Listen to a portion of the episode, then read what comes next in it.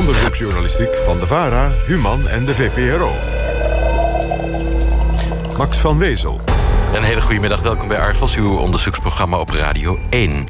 Straks recensent Marguerite Kleiweg met nieuwe boeken... allebei over de lokroep van de jihad.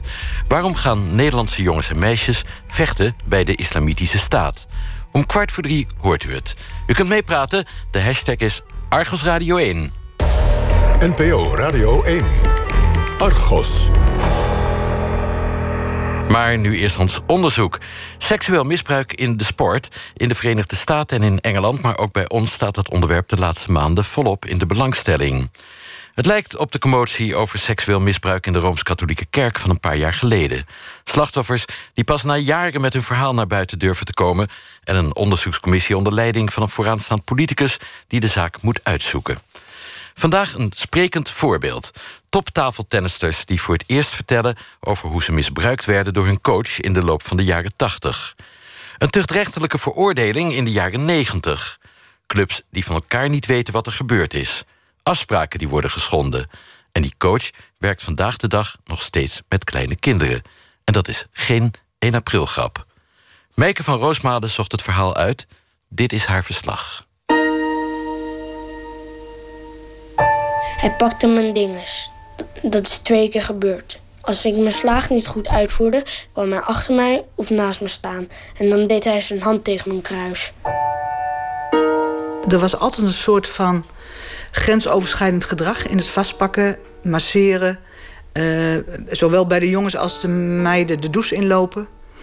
En op mijn vijftiende heeft er ook daadwerkelijk seksueel misbruik plaatsgevonden. Ik denk eindelijk, eindelijk wordt hij gepakt. Ook al is het twaalf jaar later, dat maakt niet uit. Het verjaart nooit. Het zal in de rechtelijke zin verjaren, maar voor ons gevoelsmatig, voor mij niet. Ja, dit is echt wat mij betreft een voorbeeldcasus. Je ziet hier nadrukkelijk ja, dus iemand die zich schuldig maakt aan grensoverschrijdend gedrag. Niet één keer, maar meerdere keren bij herhaling. Ja, en dan zie je dus ook dat het zo zorgelijk is dat hij van de ene club weer naar de andere club gaat. Meer dan 40 jaar werkte hij als tafeltennistrainer. Vandaag vertellen speelsters voor het eerst over hoe hij hen seksueel heeft misbruikt. Ze zijn niet de enige slachtoffers, want de trainer is zelfs ooit veroordeeld voor het aanranden van vier andere minderjarigen. En toch werkt hij nog steeds met kinderen bij een sportclub. Hoe kan dat? Hoe kan het dat het misbruik zo lang door heeft kunnen gaan? Is het terecht dat iemand na zijn straf een tweede kans krijgt? Of is dat een voorbeeld van slap beleid van sportclubs tegen seksueel misbruik? Argos, over hoe een populaire trainer jarenlang zijn gang kon gaan. Want dit zijn... echt gewoon plakboeken van uh, de club. Ja. En dit is de trainer en dit ben ik. Het lijkt me een hele bijzondere wereld uh, om zo in, topsport uh, te spelen inderdaad. Ja, je was echt... En we waren ook extreem, hè. Zes dagen in de week, drie uur per dag trainen. Dat is natuurlijk ook ja, voor Nederlandse begrippen echt ja. bizar. We zitten bij Inge, een stoere vrouw van 47. Ze wil niet dat we haar achternaam noemen. In de jaren 80 speelde Inge op vrij hoog niveau bij Torenstad, een tafeltennisvereniging in Zutphen. Vanuit het hele land kwamen jonge tafeltennissers om te leren van de trainer van Inge. Die had veel aanzien. Hij was medeoprichter en hoofdtrainer van Torenstad en bracht in die tijd menig talent naar de tafeltennistop. Inge was acht jaar toen ze bij hem begon. Langzaam in al die jaren, uh, we voelden wel, er was altijd een soort van grensoverschrijdend gedrag in het vastpakken, masseren. Uh, zowel bij de jongens als de meiden de douche inlopen. En op een gegeven moment uh, ja, ben ik eigenlijk bij hem steeds meer een soort fuik ingelopen. En op mijn uh, vijftiende heeft er ook daadwerkelijk seksueel misbruik plaatsgevonden. En dat heeft twee jaar ongeveer geduurd, dus van mijn vijftiende tot mijn zeventiende. De trainer was toen veertig. De vijftienjarige Inge sliep regelmatig bij hem. Bij toernooien deelden ze de hotelkamer. Pas jaren later voelt Inge dat het niet klopte wat er gebeurde. En dat is natuurlijk het verwarrende in het hele verhaal. Ik wilde graag bij hem zijn. Omdat je denkt als kind dat je verliefd bent. En dat, dat ben je ook. Alleen achteraf heb ik zo gevoeld. En als ik er nu aan terugdenk, denk ik, gadverdamme. Maar niet op dat moment. Omdat je de aandacht krijgt van iemand die in een machtspositie zit. En dat, dat, doet iets met de mens. Dat deed in ieder geval iets met mij. Mijn naam is uh, Minette Bakker. Ik uh, woon in Groningen met mijn partner en uh, twee labradors. Ook Minette trainde bij Torenstad. In dezelfde tijd als Inge, bij dezelfde trainer. Ze woonde zelfs bij hem in huis, want ze woonde te ver weg om iedere dag op en neer te reizen voor trainingen en toernooien. De trainer ging heel vertrouwelijk met zijn pupillen om. Aan de andere kant uh, vond ik deze trainer wel heel erg op macht gericht. Uh, dus ook tijdens de trainingen vond ik wel dat het nou ja, heel heftig eraan toe ging. waarbij hij ook veel fysiek contact met ons zocht. Dat vond ik heel apart. Ik ben door heel veel trainers getraind. ook door bondstrainers. Dus echt niet alleen door, door hem als vergelijking. Maar hij, hij zat heel veel aan ons. Dus hij stond heel veel achter je uh, om een oefening uh, voor te doen of te laten voelen. Maar hij zat ook zo aan je dat hij heel vaak net op delen zat die heel kwetsbaar zijn. Dus hij zat bij je borsten of ja, hij zat te veel ja, bij je dijbenen, bijna tussen je benen met zijn handen om een bepaalde beweging hè, voor te doen, een oefening te doen. Ja, dat vond ik heel, heel raar. Minette zegt dat het misbruik bij haar nooit verder is gegaan dan ongewenste aanrakingen tijdens de training. Maar ze weet wel dat er meer slachtoffers zijn, die soms ook ernstiger zijn misbruikt. Nou ja, wat me het meest bij is gebleven en het meest pijn heeft gedaan, is toch wel uh, de passieve houding van heel veel ouders. Uh, de meeste ouders uh, waren regelmatig op, op ons trainingscomplex. We hadden een eigen trainingsruimte. Um, en nou, dat, ik kan me niet voorstellen dat je gemist hebt wat daar heeft gespeeld. Op het moment dat, dat wij gingen douchen, en ik heb het zelf niet uh, ervaren, maar ik was ook niet in die zin interessant, want ik was wat ouder dan de gemiddelde pupillen die daar trainen. Maar dat hij altijd naar de kleedkamers ging, naar de douches, als daar allemaal kinderen aan het douchen waren. Ik heb ook, ze hebben ook gezien hoe wij getraind werden, hoe wij worden vastgepakt. Uh, je had een kantine met een heel groot raam uh, en een hele lange zaal, dus ze konden alles zien. Dus ik blijf echt nu, zelfs om mijn 51ste, in opperste verbazing over het gedrag van ouders. Het lijkt wel of ze echt hebben weggekeken. Of het gewoon niet wilden weten. Want je had echt met een toptrainer van Nederland te maken. En dat lijkt wel belangrijker dan dat je gewoon goed zorgt voor je kinderen.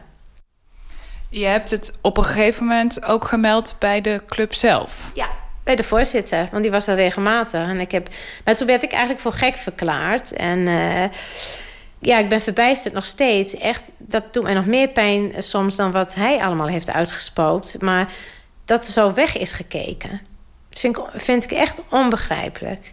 We spreken ook met een oud bestuurslid van Torenstad. Die wil alleen anoniem reageren. Daarom hebben we iemand anders zijn tekst laten inspreken. De verhalen van Inge en Minette staan volgens dit oud bestuurslid niet op zichzelf. Deze trainer vertoonde in de jaren 80 seksueel grensoverschrijdend gedrag met minderjarigen. Hij werd zoenend gezien met Inge toen zij een jaar of 13, 14 was. Ook liep hij altijd de kleedkamer in als de meisjes aan het douchen waren. En we zagen ook dat hij spelers in hun kruis en op andere gevoelige plekken aanraakte tijdens de training. Soms gaf hij ook massages aan spelers in de bestuurskamer, die hij dan op slot deed. Daar heb ik wat van gezegd en daarna heeft hij dat ook niet meer gedaan. Op initiatief van het bestuur van Torenstad vond er op een gegeven moment een gesprek plaats met ouders over het ongewenste gedrag van de trainer. Het oud bestuurslid dat we anoniem spreken vertelt ons dat de meeste ouders het overdreven vonden en ze hadden alle vertrouwen in de trainer. Daarom liep het gesprek op niets uit.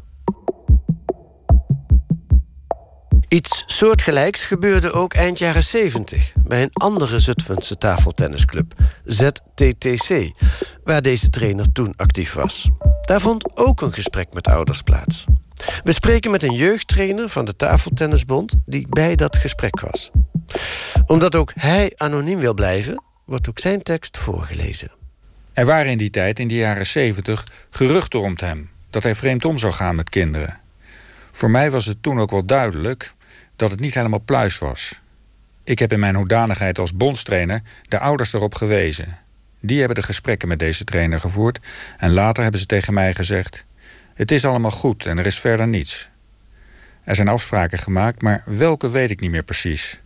Meer werd er niet gedaan. Maar het was toen ook wel een heel andere periode, moet ik zeggen. Seksueel misbruik en grensoverschrijdend gedrag in de sport was toen nog helemaal geen thema. Er was, ook in de jaren 70, wel degelijk meer aan de hand. We weten uit meerdere bronnen van minstens één slachtoffer uit die tijd. Die wil zelf niet met ons spreken, maar via een familielid horen we dat in zijn geval het misbruik verder ging dan alleen ongewenste aanrakingen tijdens de training. En van de jaren 80 weten we dat er zeker drie slachtoffers zijn die in meer of mindere mate misbruikt zijn. Variërend van ongewenste aanrakingen tijdens de training tot een seksuele relatie. Volgens het oud-bestuurslid van Torenstad, in de jaren 80 dus, de club waar Inge en Minette trainden, was het wel moeilijk om echt actie te ondernemen. Als bestuur zagen we dat deze trainer wel in de fout ging, maar het was zo moeilijk om daar wat tegen te doen. Sowieso hebben we hem nooit op hete daad betrapt. En sommige andere bestuursleden, en vooral ouders, die vonden ook dat er helemaal niets aan de hand was. Het was ook een andere tijd toen. Uiteindelijk hebben we deze trainer ontslagen, omdat hij niet meer te vertrouwen was in de buurt van kinderen. En toen hij vertrok, ging de helft van onze leden zelfs met hem mee naar een andere club. Uiteindelijk wordt de trainer dus ontslagen bij Torenstad. Inge, die vandaag voor het eerst haar verhaal vertelt, heeft intern wel eerder een melding gedaan bij de sportkoepel NOC-NSF. We weten dat naast Inge ook iemand anders ruim tien jaar geleden daar een melding heeft gedaan. Ook deze persoon trainde in de jaren tachtig bij deze trainer. Wat er precies heeft plaatsgevonden, wil deze melder niet vertellen. Louter het feit dat wij contact opnemen roept al te veel vervelende emoties en herinneringen op. Ja, ik heb ooit uh, met het NOC-NSF gekeken of we op een andere manier een klacht konden indienen, maar dat was, dat was een ingewikkelde procedure. Uh, daarna heb ik aangifte willen doen bij de politie, maar dat was verjaard. Dus ik heb daar nog wel actie op willen ondernemen. En dat heeft zo lang geduurd voordat ik dat gedaan heb, omdat ik ook in die dubbelheid zat. En je gaat het, en dat merk ik ook als ik ook met andere mensen praat over dit onderwerp, ook die bij die club hebben gezeten of zo. Je gaat het ook een soort bagatelliseren voor jezelf. Het viel allemaal wel mee en ik was 15 en ja, hij raakte me wel aan en liep de douche wel binnen me ach. En, en daarmee ga je het ook voor jezelf goed praten, waardoor de stap naar aangifte een hele ingewikkelde is. Terwijl ik dat eigenlijk veel eerder had moeten doen, maar daar was ik niet sterk genoeg voor. Beide meldingen bij de sportkoepel NOC-NSF leveren niets op. Er gebeurt niks. Na zijn ontslag bij Torenstad maakt de trainer nieuwe slachtoffers.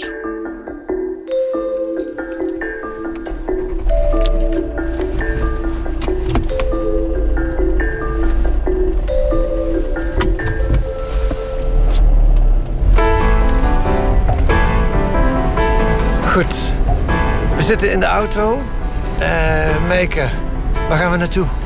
We zijn uh, onderweg naar Zutphen, waar uh, onze trainer woont, waar deze uitzending over gaat. Ja, onderwijl moet je ook op het verkeer letten. op weg naar Zutphen, op deze mooie zonnige woensdag in maart. Wat, wat wil je, waarom moeten we naar hem toe? Nou, ik vind het natuurlijk heel belangrijk dat hij ook zijn kant van het verhaal kan uh, vertellen. Er worden nogal wat uh, beschuldigingen aan zijn adres geuit in onze uitzending. En uh, het is heel erg belangrijk dat hij daar ook op kan reageren en kan vertellen hoe hij daarin staat en wat zijn ervaringen zijn geweest. Weet hij dat we komen? Um, nee, we staan dadelijk onverwachts bij hem op de stoep. Dus ik vrees dat hij wel een beetje gaat schrikken. Weet hij wel dat je al, want je bent al maanden met dit onderwerp bezig. Weet hij, weet hij daar iets van? Dat zou zomaar kunnen, want ik heb natuurlijk heel veel mensen gebeld die uh, uh, wat verder van hem afstaan, maar ook wat dichter bij hem staan. En het zou zomaar kunnen dat iemand hem al uh, heeft gewaarschuwd dat we hiermee bezig zijn. Dus dat zullen we zo horen. Ja.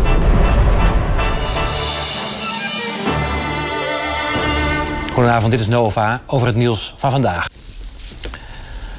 De Nederlandse Tafeltennisbond heeft een vooraanstaande trainer geschorst die er een gewoonte van maakte tijdens de training zijn pupillen in het kruis te grijpen.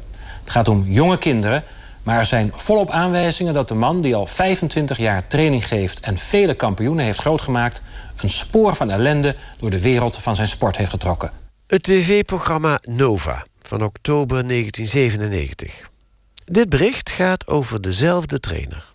De trainer blijkt tuchtrechtelijk veroordeeld door de Tafeltennisbond... omdat hij tijdens de regiotrainingen vier minderjarige spelers... drie jongens van 13 en een meisje van 15... ongewenst heeft aangeraakt. We citeren de verklaringen van drie slachtoffers... en de vader van het vierde slachtoffer. Hij pakte mijn dinges. Dat is twee keer gebeurd. Als ik mijn slag niet goed uitvoerde, kwam hij achter mij of naast me staan. En dan deed hij zijn hand tegen mijn kruis. Hij hield mijn rechterhand bij mijn pols vast en met de andere hand hield hij mijn rechterborst vast. Hij bleef hem net zo lang vasthouden als de oefening duurde. Dat deed hij ook bij mijn kruis. Hij hield mijn kutje over de korte broek vast. Hij streelde niet. Hij bleef je vasthouden totdat je de slag in de gaten had. Ik had het gevoel dat hij daar zijn hand expres neerlegde. Mijn zoon heeft verteld dat hij tijdens de selectietraining achter de tafel stond en dat de trainer zei dat hij een verkeerde houding had. De trainer ging dan achter mijn zoon staan en pakte hem met zijn rechterhand in zijn kruis en duwde hem tegen zijn piemel aan achteruit. Mijn naam is uh, Henny Sakkers. Ik ben uh, hoogleraar uh, bij de vaksectie strafrecht aan de Radboud Universiteit Nijmegen. En een van mijn nevenfuncties is dat ik als tuchtrechter actief ben bij de Nederlandse Tafeltennisbond. Henny Sakkers was in 1997 de voorzitter van de tuchtcommissie. De zaak werd voor de tuchtrechter gebracht door het bestuur van tafeltennisvereniging De Trefhoek in Almelo. Uh, de aangifte beperkte zich tot de vier jeugdspelers... waarvan uh, het bestuur dat de aangifte had gedaan... zeker wist dat die daarover zouden willen verklaren. Uh, dat wist men zeker omdat uh, deze jongeren... al dan niet via hun ouders ook aangifte hadden gedaan bij de politie. Maar ik sluit niet uit, dat kun je bij een zedenzaak van enige omvang nooit uitsluiten... dat met deze vier slachtoffers uh, het werkelijke aantal is bereikt. Dat weet je eenvoudigweg niet. De tuchtcommissie van de Tafeltennisbond besluit... De heer X, wonende te Zutphen... schuldig te beoordelen aan onzedelijk aanraken... van aan zijn zorg toevertrouwde jeugdspelers waardoor hij zich niet heeft gedragen als een goed trainer betaamt. En hem daarvoor het recht te ontzeggen om als trainer, coach of non-playing captain te fungeren voor de duur van 18 maanden. De trainer gaat in hoger beroep bij de tuchtcommissie. Maar die vindt de ernst van de gedragingen zo zwaar dat de schorsing wordt verhoogd na twee jaar. Ik weet nog dat ik bij eh, een uitzendbureau werkte en ik kreeg een telefoontje en ik stortte compleet in. Dus toen kreeg ik de bevestiging na twaalf jaar, want dat was twaalf jaar nadat ik daar vertrokken was, kreeg ik eindelijk de bevestiging dat ik niet gek was en dat ik uh, echt de bevestiging kreeg van zie je, hij wordt eindelijk veroordeeld en eindelijk uh, ja, zal het recht zegevieren. Ook al is het twaalf jaar later, het verjaart nooit. Het zal in de rechtelijke zin verjaren, maar voor ons gevoelsmatig, voor mij niet. Hij blijft even erg als hij toen was. En hij heeft precies hetzelfde weer gedaan eh, wat hij met ons heeft gedaan. Marjan Olvers is hoogleraar sport en recht aan de VU in Amsterdam.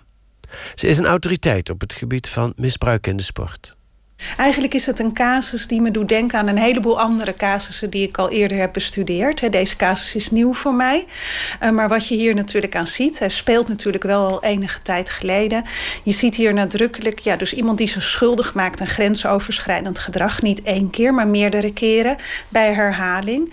Um, en dan ook nog weer voor een ja, behoorlijk lange periode. En, ja, en dan zie je dus ook dat het zo zorgelijk is dat hij van de ene club weer naar de andere club gaat. En als je dat dus ziet, continu hetzelfde gedrag, ja, alle grenzen zijn overschreden. Dit is echt, wat mij betreft, een voorbeeldcasus. Terug naar Henny Sakkers, de voorzitter van de tuchtcommissie. Waarom hebben zij niet de eerdere geruchten en meldingen over seksueel misbruik meegenomen in hun onderzoek? Dat hebben we niet gedaan. Dat is ook niet de taak van de tuchtrechter. De taak van de tuchtrechter is om een oordeel te geven op basis van een onderzoek dat de tuchtcommissie doet zodra zo'n aangifte binnenkomt. De tuchtrechter treedt dus niet tegelijkertijd ook op als politie, om het even in die termen te vergelijken. Het is niet de taak van de tuchtcommissie, zegt Sakkers. Had het bestuur van de Nederlandse Tafeltennisbond dan breder onderzoek moeten doen? Jan Simons is de huidige voorzitter van die bond. U vraagt het me nu als voorzitter nu. Hè? Als de casus nu bij mij en bij ons als hoofdbestuur terecht zou komen...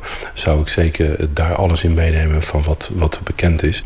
Dus het is destijds een uh, gemiste kans geweest eigenlijk... dat het niet breder onderzocht is?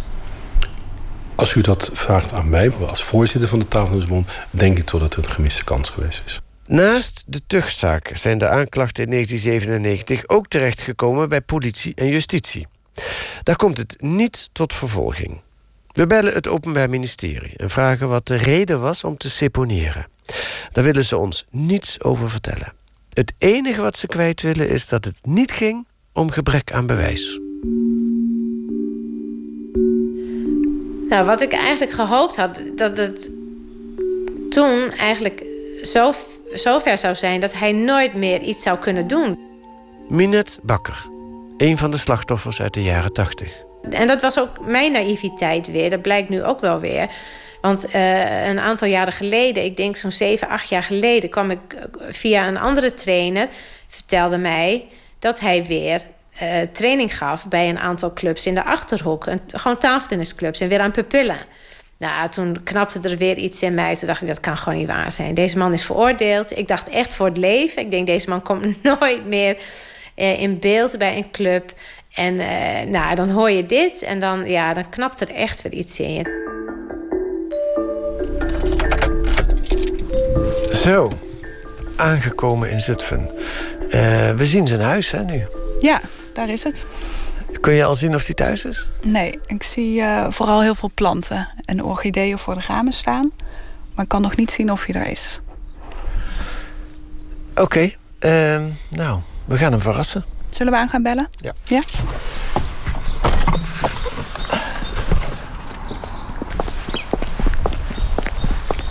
Oké, okay, hier is het hè? Ja, kijken of hij thuis is.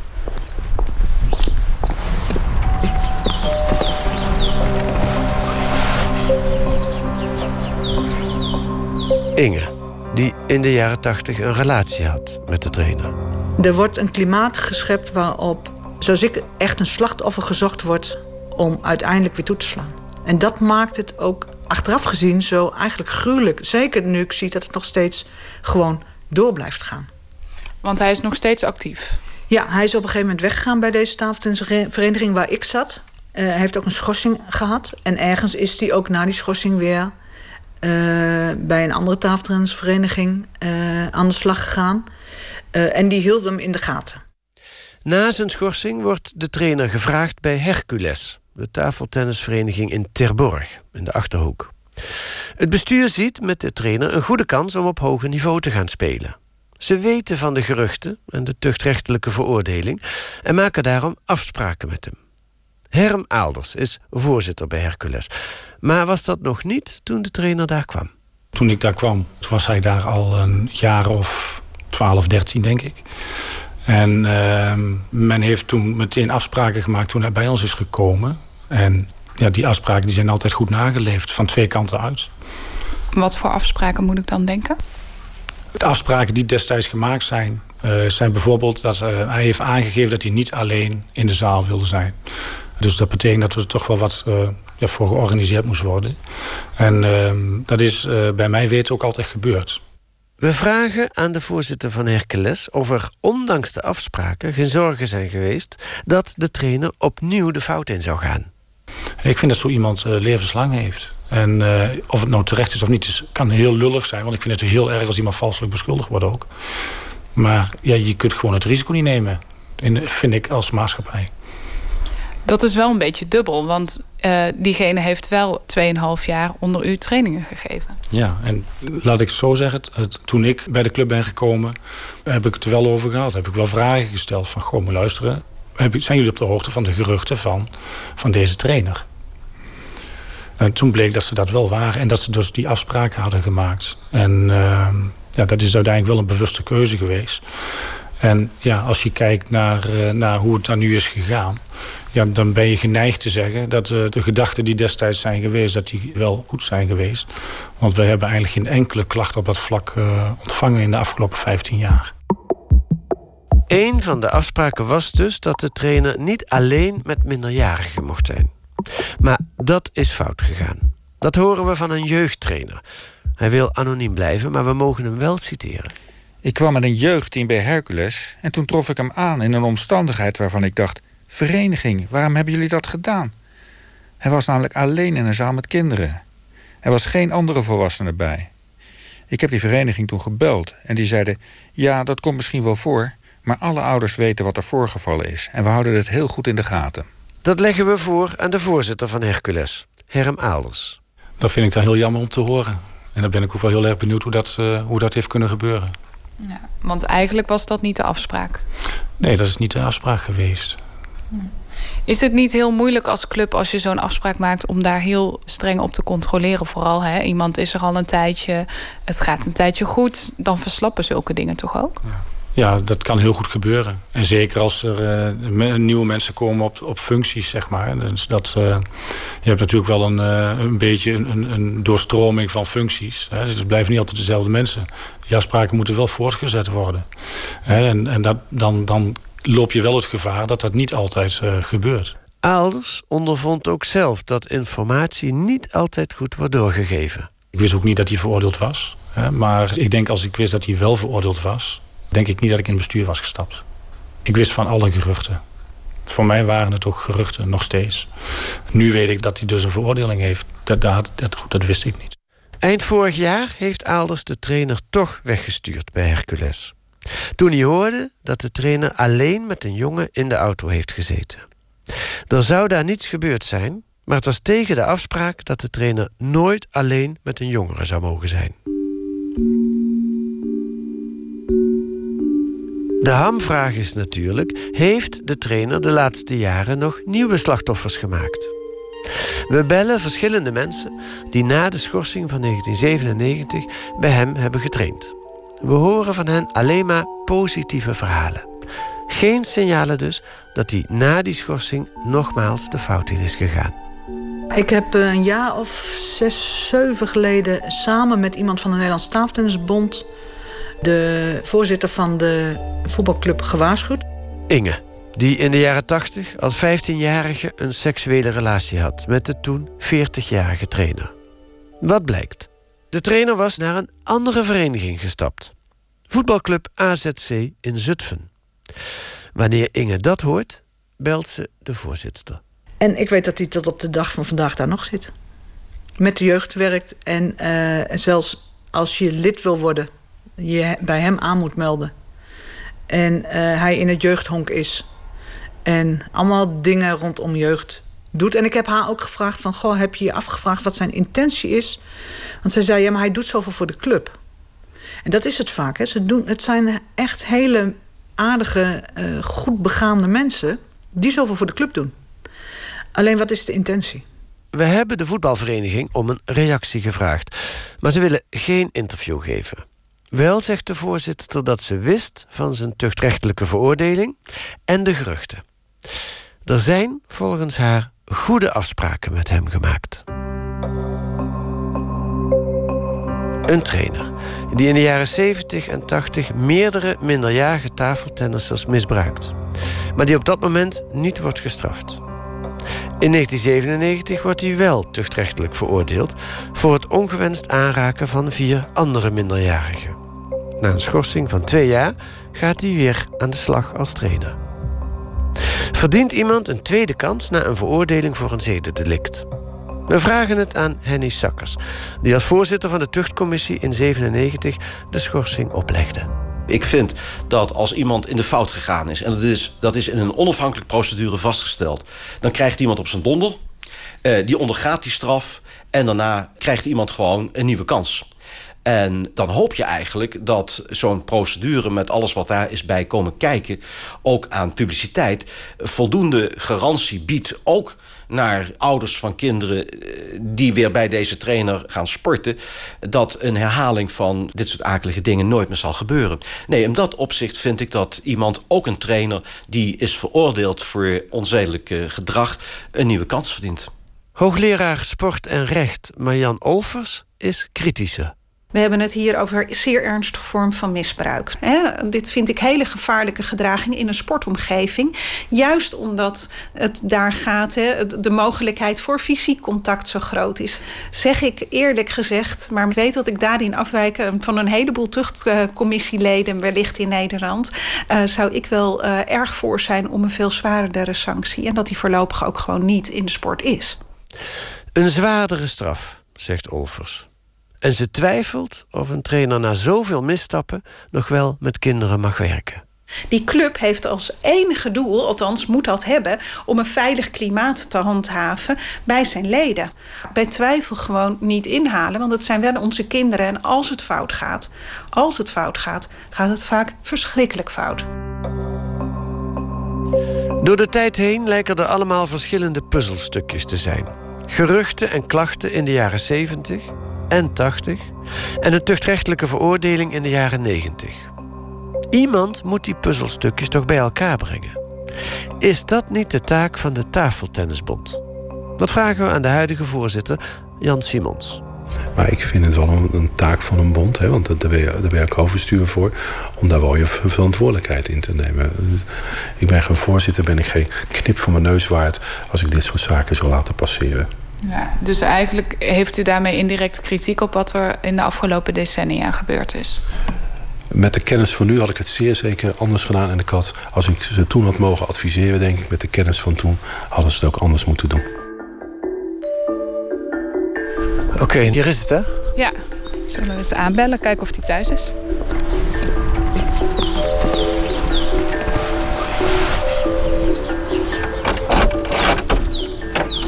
Goedemorgen. De deur gaat open. Maar de trainer wil geen interview geven. Nou, uh, Meike, wat is je eerste reactie? Nou, hij was thuis. Um, en ze, hij wist eigenlijk meteen waar we voor kwamen, wie we waren. Hij was al gebeld door uh, de ja. voetbalvereniging en door uh, andere mensen die ik uh, afgelopen tijd benaderd heb. Ja. En hij zei ook meteen dat hij niet met ons wilde praten. Nee. Hij was geïnformeerd, hè? Ja, hij was geïnformeerd, inderdaad. En nou ja, we hebben hem wel uitgelegd waar onze uitzending over gaat en waarom we het belangrijk vonden dat hij een reactie zou geven. Ja. En nou ja, hij wilde daar niet aan meewerken. Nee. Wat me opviel is, hij wilde ons wel uitgebreid te woord staan. Ja, we hebben best wel veel kunnen vragen. Ja. Hij heeft ook wel uh, nou ja, gereageerd op heel veel vragen. Hij, hij heeft uh, bijvoorbeeld gezegd dat die, uh, dat die tuchtzaak, dat die aanrakingen, dat die nooit hebben plaatsgevonden. Of in ieder geval niet met die intentie. En wat me opviel, hij had ook de neiging om het te bagatelliseren. Hè? Dus de, relatie met uh, uh, Inge, bijvoorbeeld, die, uh, die, dat zij tegen ons verteld heeft, dat gaf hij onmiddellijk toe. Maar. Ja, hij zei wel, ja, het was niet, hij noemde het geen verhouding. Hij zei ook dat ze niet uh, minderjarig was op dat moment. Ook al zeiden wij tussen de 15 en de 17. Hij zei ook, ja, maar ze is daarna nog politieagenten geweest. Dus waarom heeft ze er in die 30 jaar dan niks mee gedaan? En toen hebben we hem ook uitgelegd dat dat als slachtoffer natuurlijk wel een moeilijke stap is. En dat ze daar wel degelijk stappen in heeft gezet. Ook al weet hij daar dus blijkbaar niet van. We hebben hem op verschillende manieren gevraagd of hij bijvoorbeeld daarna nog de fout in is gegaan. Of die vindt dat hij vroeger inderdaad fouten uh, heeft gemaakt. En dan, nee, hij zegt dat hij dat niet gedaan heeft. Niet voor zover hij weet. Hij was wel een beetje twijfelachtig. En wij zeiden ook, nou ja, je kunt zelf toch wel inschatten wat grensoverschrijdend is en wat niet. Maar hij zei, voor zover ik weet heb ik niks verkeerd gedaan. Minet Bakker, een van de slachtoffers uit de jaren 80. Op zich ben ik niet zo rancuneus in mijn leven dat ik vind dat mensen geen tweede kans verdienen. Uh, en als ik zie dat mensen leren, lering trekken uit uh, wat niet goed is gegaan en ze doen er iets mee, dan, dan uh, geloof ik er echt in. Maar iemand die, die dit doet en, en eigenlijk zijn hele leven heeft gedaan. En nu weer de uitdaging zoekt om, om kinderen te trainen. Ook al is het niet meer in de tafeltenniswereld, maar misschien in een andere sportwereld. Uh, waarom gaat hij zich dan niet uh, richten op volwassenen? Maar dat het nog steeds dat het wordt uh, weggestopt, dat het wordt ontkend, dat we heel naïef daarmee omgaan, dat we schijnbaar een toptrainer belangrijker vinden dan de welzijn en gezondheid van onze kinderen. Ja, dat raakt me. Het zal me altijd blijven raken. Ja. Inge, die in de jaren tachtig is misbruikt door deze trainer, is inmiddels vertrouwenspersoon bij de Tafeltennisbond. Door haar eigen ervaringen hoopt ze slachtoffers van seksueel misbruik te kunnen helpen. Wat vindt zij ervan dat de trainer nog steeds actief is? Ja, dat vind ik verschrikkelijk. Vooral omdat het maar doorgaat. En omdat ik nu de geraffineerdheid ervan zie... dat hij zich ook in zo'n vereniging invreet... om uiteindelijk eigenlijk als een jager zijn prooi te vinden. En dat, dat vind ik erg, dat het gewoon zo door kan blijven gaan. En ik snap ook de lastigheid aan de andere kant van een voorzitter van een vereniging... waar bijna geen vrijwilligers meer zijn. En het is allemaal een grijs gebied, dus ik, ik snap beide kanten. Ik snap zelfs de kant van de pedo, want het lijkt me ook erg ingewikkeld. Maar het moet wel stoppen. We moeten een veilig sportklimaat creëren voor, nou niet alleen voor kinderen, maar voor iedereen, maar zeker voor jongeren. Dus dat raakt me dat we daartoe niet in staat zijn, want er wordt nog veel weggekeken. Terwijl de geruchten gaan al 30, 40 jaar over hem. En er wordt steeds maar weggekeken. En dat raakt me.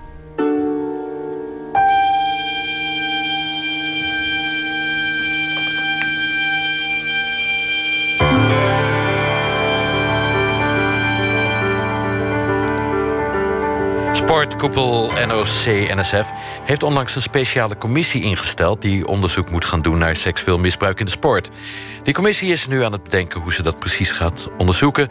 en hoopt op 1 mei echt van start te gaan.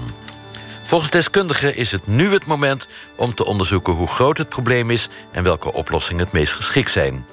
We houden dat in de gaten en blijven natuurlijk ook zelf onderzoek naar doen... Mocht u contact met ons op willen nemen, dan kan dat via onze speciale e-mail sportmisbruik.vpro.nl. Sportmisbruik.vpro.nl. Uw vragen en verhalen komen dan terecht bij Meike van Roosmalen, die uiteraard vertrouwelijk met die informatie zal omgaan. Deze reportage werd gemaakt door Meike van Roosmalen, Lilith Matirosova en Kees van der Bos. De techniek was in handen van Alfred Koster. En wilt u de uitzending terughoren of Argos podcasten? Ga dan naar Argos VPRO